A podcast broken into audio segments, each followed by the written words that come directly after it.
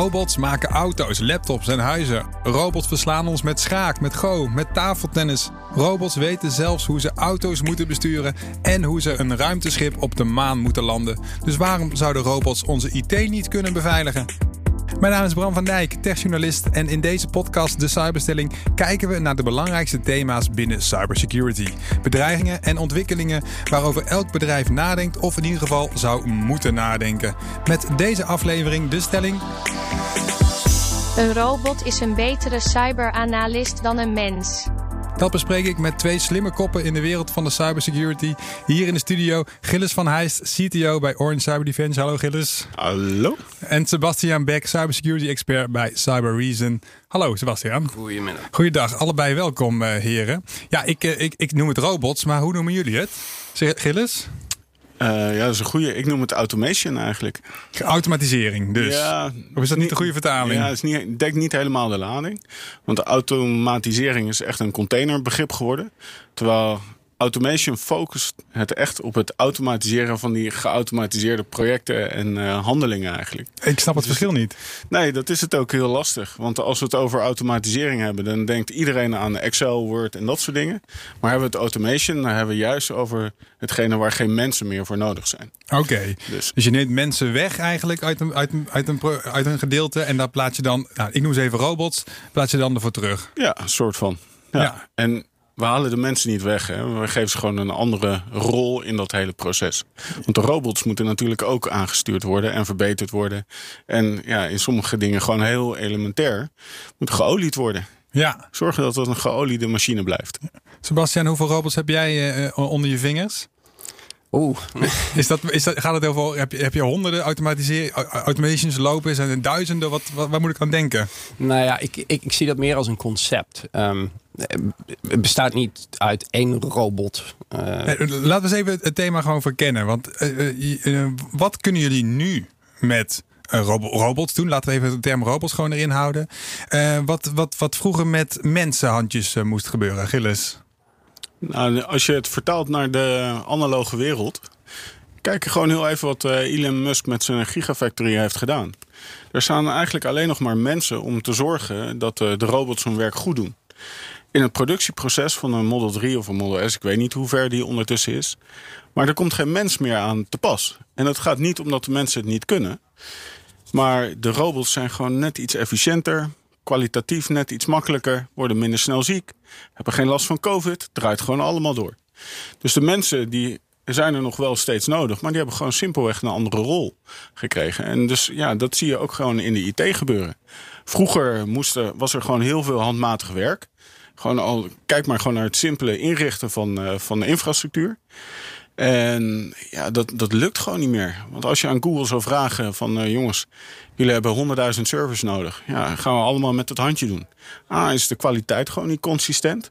En het is gewoon niet efficiënt. Want op het moment dus dat je halverwege bent, die eerste eerste waarmee je bent begonnen is al lang weer oud. Dus, dat, moet gewoon... dat inrichten? Wat is dan bijvoorbeeld inrichten? Nou, wat je thuis ook doet, hè? als je een nieuwe operating system krijgt, een nieuwe installatie van je Windows, Linux, Mac, whatever. Dat is gewoon, dat doen we thuis nog next, next, finish. Maar als je dat op schaal gaat doen, ja, dan lukt dat gewoon niet. Je, je wil niet allemaal die serverruimtes, alle servers hoeven aanzetten, een bestandje erop krijgen, het openen. Dat, dat soort dingen, dat deden we eerst handmatig en dat doen we nu niet meer. Nee, en dat moet je ook niet willen, want daar zit onze eh, ja, meerwaarde van de mens zit daar gewoon niet in. Wij moeten gewoon met het denkproces bezighouden, kijken hoe we dingen kunnen verbeteren, optimaliseren, efficiënter kunnen laten worden. Um, ja, daar zijn we goed in. Maar het, ja, het lopende bandwerk, wat gewoon ook in de IT bestaat, ja, dat moeten we gewoon wegautomatiseren. Sebastian, dat geldt dus ook voor het traceren van, uh, van verdacht verkeer op je server. Dat soort dingen. Zijn dat ook allemaal automatiseringsslagen die je kan maken? Ja, absoluut. Uh, ik, ik denk sowieso dat als je kijkt naar de industrie afgelopen jaren, dan zie je dat op dat gebied uh, een aantal bedrijven ontstaan zijn die specifiek die functies hebben gecreëerd. producten omtrent het automatisch analyseren van bijvoorbeeld netwerkverkeer, maar ook over processen op een endpoint. En dat bedoel ik een computer waar je op werkt of een server. Um, ja, en, technologie eromheen bouwen om dan afwijkende gedragingen of kwaadaardige gedragingen naar boven uh, te halen op een geautomatiseerde manier. Uh, en dan uiteindelijk komt dat terecht in, uh, in wat wij dan noemen een sok. En dan is de vraag, wat ga je ermee doen? Hoe ga je dat doen? Dan ga je dat ook automatiseren? Hebben we daar mensen voor nodig, ja of nee? En, en de sok is een plek waar dus alertjes verschijnen op het moment dat er, uh, dat er iets verdacht gebeurt. Ja, correct. Ja. SOC is uh, het Security Operating Center. Uh, dat is zeg maar het hart van de cybersecurity organisatie. En daar zitten de mensen die kijken naar alles wat er gebeurt nadat het niet meer verhinderd kon worden. Ja. Laat maar zo stellen. Dus weet, ben je altijd te laat dan of is het, oh, is het gebeurt nee. het sowieso? Nee, per definitie ben je niet altijd te laat. Nee, dat zeker niet. Uh, sowieso als je kijkt naar een hack. Een hack gebeurt uh, meestal niet in een paar milliseconden. Dus als je het niet kunt verhinderen, betekent het niet dat je de, de plank mislaat. Hm. Uh, het hangt een beetje vanaf wat, wat de gedragingen zijn. vaak heb je wat meer tijd. zeker als je kijkt op het gebied van nation state attacks. Waarbij heel langzame concrete uh, infiltratie wordt gedaan. Ja, ja dus uh, Rusland valt een ander land binnen bijvoorbeeld. bijvoorbeeld ja. ja. Rusland, China, Korea, uh, noem ze maar op. De gezellige plekken in de wereld. De gezellige plekken in de ja. wereld. vinden zij ook van ons overigens. Dus, dat geloof ik meteen, dat geloof ik meteen. Zwart-wit, twee kanten. Ja. Dat gebeurt ve veelal niet in een heel kort tijdbestek. Er zijn zwaar geplande missies, heel strategisch opgezet. Dus een hele kill chain aan vast, zoals we dat noemen, met een stappenplan. Er zitten hele professionele teams achter. En dat heeft soms een doorlooptijd van dagen tot weken tot jaren. Ja. Uh, Gilles, dat klinkt allemaal super efficiënt. Hè? Dus je, waar je eerst nog zelf moest gaan kijken wat er uh, voor verkeer er op je server komt, uh, kun je tegenwoordig gewoon een, een, robotje neerzetten. dit een gigantische besparing ook lijkt me dan financieel. Nou ja, uiteraard. de besparing komt vooral in de vorm van tijd. Omdat mensen hoeven er minder naar te kijken. Of althans, op een andere manier kunnen ze mee bezig zijn. Dus de volume die je per persoon aan kan, ja, die zijn gewoon uh, veel groter. Ja. Maar, en dan komt die, er is een enorme arbeidskrapte op de markt. Dus we, we moeten dit ook gewoon echt doen. Om die, die groeiende afhankelijkheid van technologie ook überhaupt het hoofd te kunnen bieden. Want ja, uh, nogmaals, kijk in je eigen huis, hè, waar we het net over hadden. Je had vroeger een computer, een tv en dan was het ongeveer. Nou, tegenwoordig heb je nou, je, je gameconsole aangesloten. Uh, er zit misschien wel een Apple TV. Oké, okay, Apple fanboy. Dus er zit een Apple TV aan. Misschien heb je wel twee tv's, streaming services van Netflix. Alles zit gewoon aan het netwerk. Je printer. Je printer, je uh, belichting, je toegangscontrole. En in sommige gevallen wasmachine, koffiezetapparaat, uh, ijskast die gewoon uh, meteen met uh, Albert Heijn aan het ja. communiceren is. Alles is connected. Dus de hoeveelheid apparaten die we nu hebben, die vereist ook gewoon überhaupt een andere aanpak. Het is ook niet meer te doen als, als, als mensen het echt elke stroompje moeten gaan controleren. En waarom zou je het willen? Ja. Word je er blij van dan? Nou, misschien omdat je er beter in bent.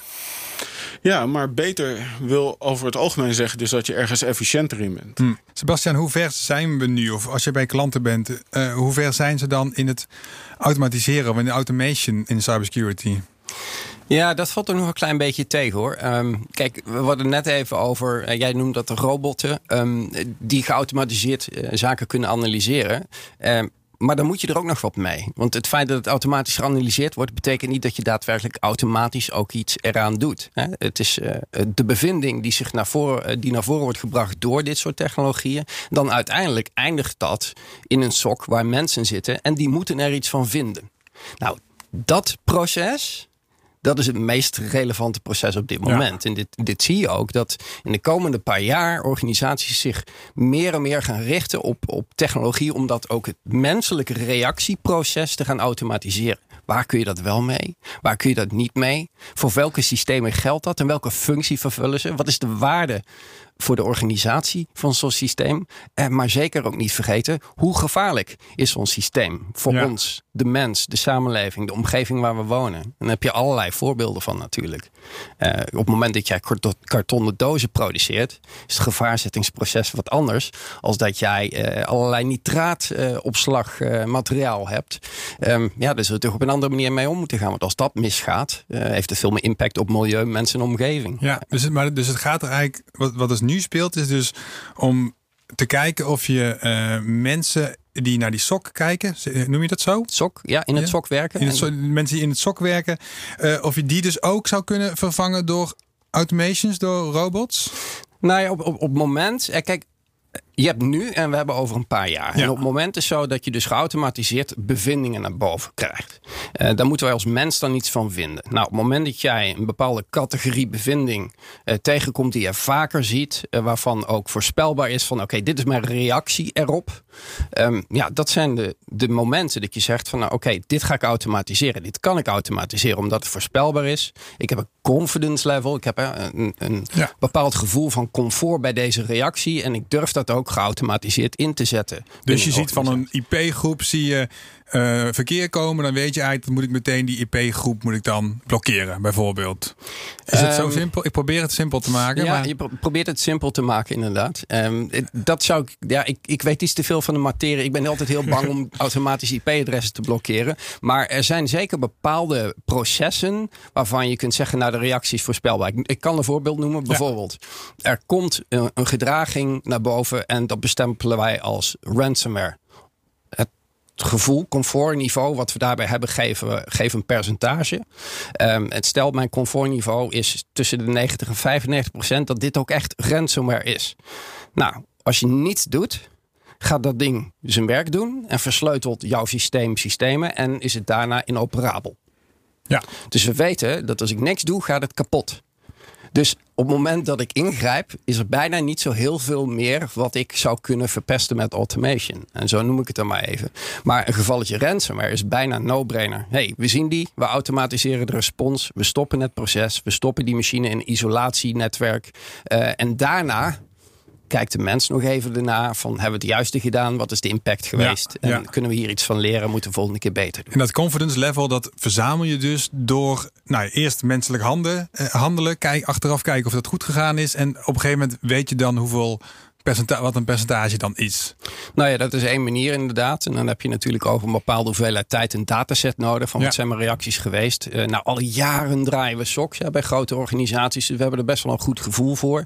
Eh, heel goed dat die datasets dan ook door AI kunnen worden geanalyseerd. Van joh, wat, wat was de overtreding? Wat was de reactie? En wat was de uitkomst uiteindelijk? En zo zie je dat het loopje ook belangrijk is gebleken in het verleden. Van hadden we het goed, ja of nee? Was de actie goed, ja of nee? En, Ja. en daaruit naar voren kun je dus afleiden van joh, ehm, ik voel me hier goed bij. En ik verbind er een automatisering aan, ja of nee? Fascinerend, ja. Ja.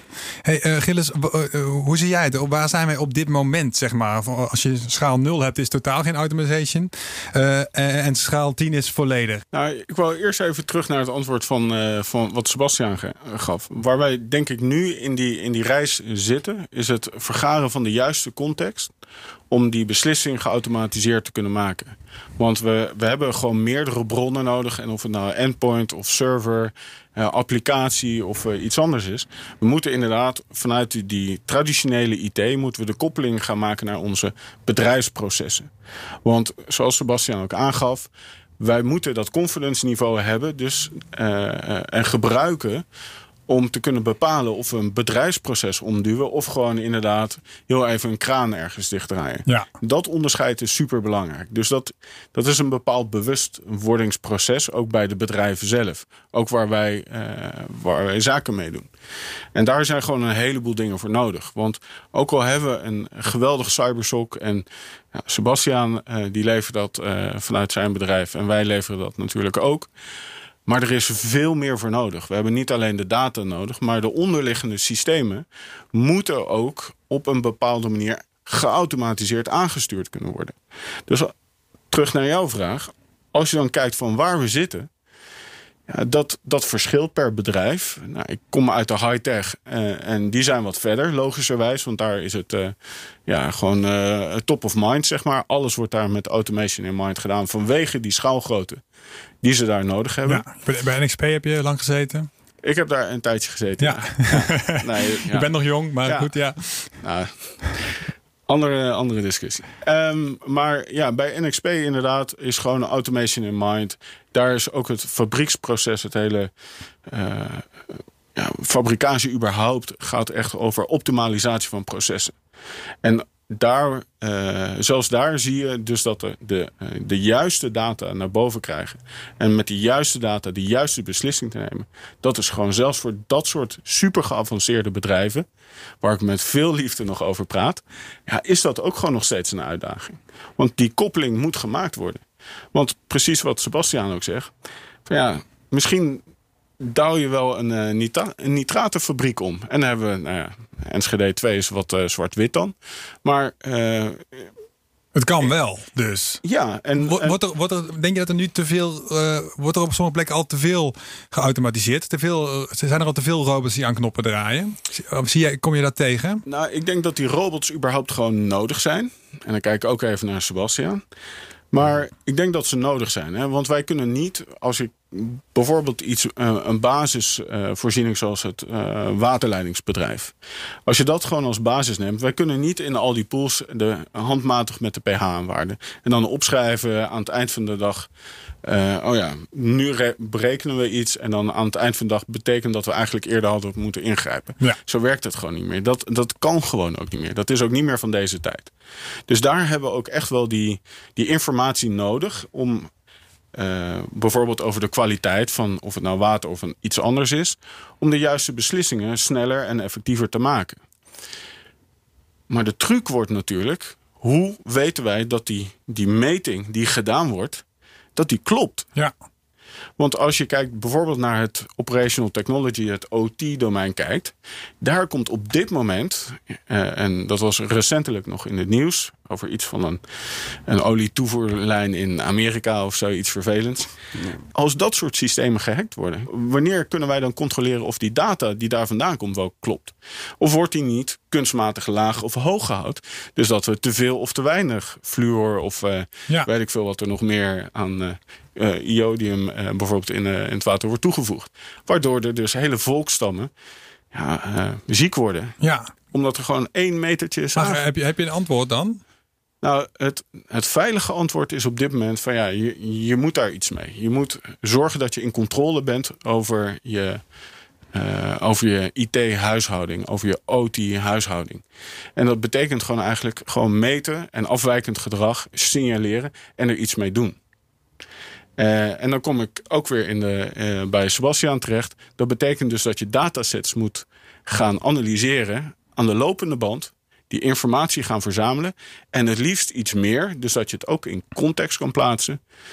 En dan moet je er gewoon slimme mensen, modellen, uh, uh, of het nou machine learning, AI of uh, patroonherkenning is, wat je gaat inzetten, om de juiste beslissingen op basis van die data te kunnen maken. Dus het is ook een kwestie van meer, op meerdere plekken de juiste sensoren of meters of wat dan ook neer te zetten. Dat je meerdere stromen krijgt en niet, uh, niet alles maar van één datastroom krijgt. Want dat is, ja, dat is uh, ook in je beleggingsportefeuille, om maar heel even een dwarsstraat te noemen. Alles uh, inzetten op één paard, ja, dat kan. Maar ja, we houden toch als mensheid een beetje van risico's spreiden. Dus we doen liever uh, meer data of uh, uh, gespreid beleggen. Om zo in het geval van data betere kwaliteit te krijgen. en daarmee dus niet afhankelijk de, die afhankelijkheid van die enkele bron. Om, ja, weet je, het is goed als die goed is. Maar hoe controleren wij dat op basis van die ene bron die data goed blijft? Ja, ja. Dus dat is de echte typische catch-22. Ja, zeker. Um, wat je ook op dit moment heel duidelijk ziet is... Uh, kijk, over een paar jaar staan we op een heel ander punt. Uh, we hebben ook gewoon veel meer ervaring hiermee. Uh, ik denk dat in theorie en in, in, de technologie die we hebben... dat we er echt wel al zijn vandaag. Alleen het moet ook uitvoerbaar zijn. En, en dan heb je het over uh, verga veel verdergaande automatisering. Absoluut, ja. Nee, de technologie is daar, is daar zeker al wel. Alleen, je moet het bedrijfsproces ook zo inrichten. En om dat te kunnen doen, moet je dus confidence levels hebben. Ja. Heb ik die dataset? Heb ik mijn baseline? Zijn we er al langer mee bezig geweest? En dat is een groeipad. Uh, om maar even niet te spreken van de politieke ivoren torentjes binnen organisaties. Want uh, de cybersecurity afdeling heeft geen mandaat over het algemeen over alles wat ruilt en zeilt wat IT is binnen een organisatie en uh, van elke business unit. En dat, dat is natuurlijk. Nee, ook... staan ze niet vooraan? Is het? Nee. Uh... Nee, nee, nee, nee. nee. Uh, kijk, dus er zit een bedrijfsproces in de weg. typisch. Op het moment dus dat je uh, goed uh, business wil doen, dan heb je het natuurlijk over beschikbaarheid van diensten. Maar OW als er security uh, om de hoek komt kijkt, de department traditioneel gezien, de department of no.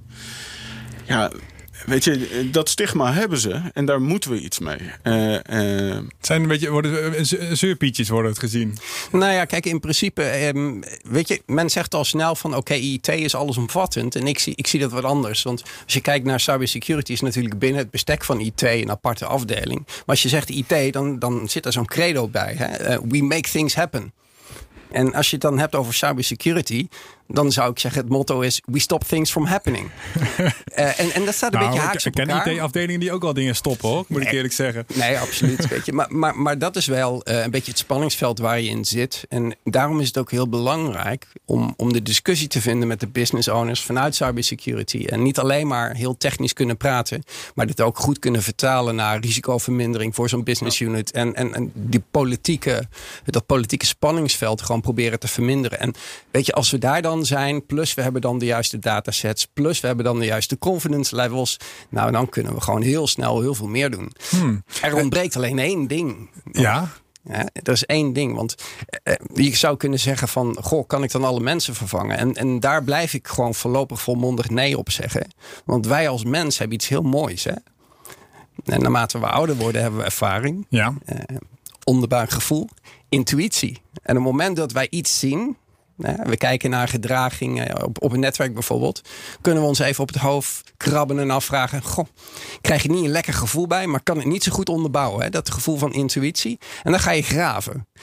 Dat is iets wat best wel heel lastig te vertalen is naar technologie. Ja, en AI, de, de intuïtie van AI is, uh, is nog onderontwikkeld?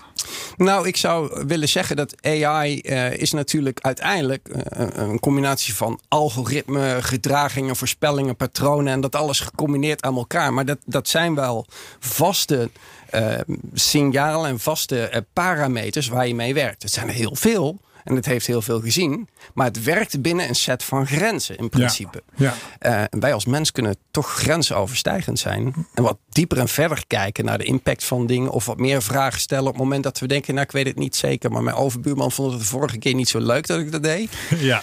Laat ik even we kunnen dingen combineren die misschien onlogisch lijken in eerste instantie. Ja, ja.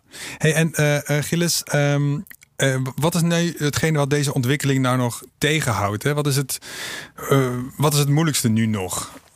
Als ik dan heel even naar onszelf kijken als organisatie. En uh, eigenlijk alle organisaties waar ik heb gezeten, uh, heeft dat vooral met een stukje hygiëne en lifecycle te maken.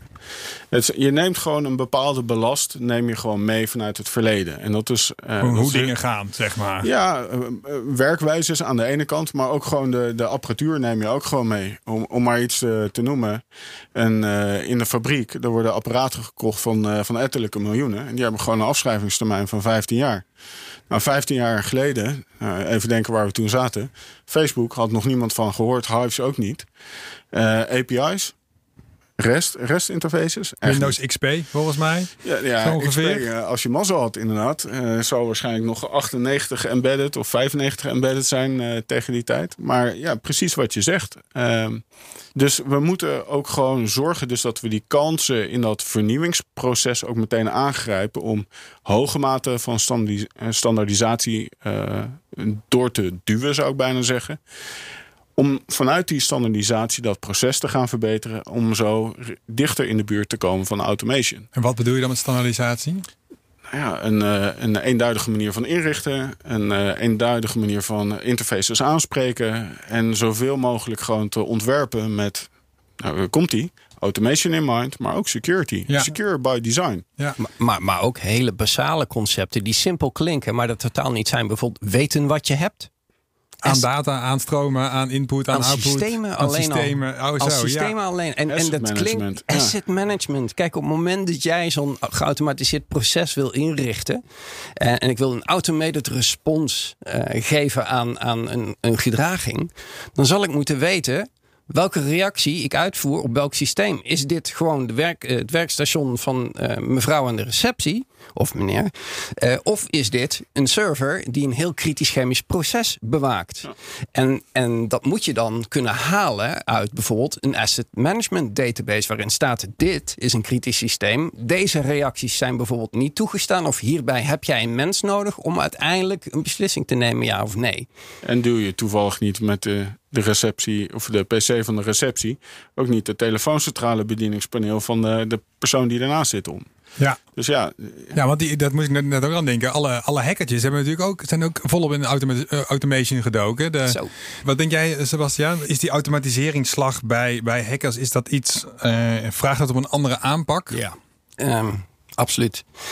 Eh, we hebben door in de afgelopen jaren natuurlijk uh, ook een ontwikkeling op dat gebied gezien. Um, het begon een aantal jaren geleden met, met uh, de, de, hackingwereld die, die dan diensten aanbood. Waar je dus malware kon bestellen als je het zelf niet kon schrijven en kon oh gaan gebruiken. Lekker toegankelijk. Ja. ja. En DDoS as a service op basis van je creditcard. Ja, ja en bijvoorbeeld dat. dat soort dingen hebben we gezien. En, en we zien dan technologieën zoals polymorphic engines ontstaan, waarbij automatisch malware gegenereerd kan worden. En dan uh, om de zoveel tijd met nieuwe timestamps, met nieuwe facetten, met andere code signing certificates, om maar onder de radar te blijven van uh, detectietechnologieën. Nou, dat evolueert zich. Um, als je kijkt naar bijvoorbeeld hoe een attack wordt uitgevoerd, en dan hebben we het over echt een beetje een nation-state-achtige attack, ja, dat, dat, dat bepaalde uh, stappen doorloopt. Ja. En de allereerste stap daarvan is dan uh, de recon-fase. Op het moment dat je iets gaat aanvallen, ga je eerst verkennen hoe dat eruit ziet, wie het is, wie er werkt, wat de relaties zijn, social mappings, al dat soort zaken. Uh, welke evenementen je bij hebt gewoond, uh, wat is je motivatie om te hacken. Nou, er komt een hele dataset en informatie naar voren.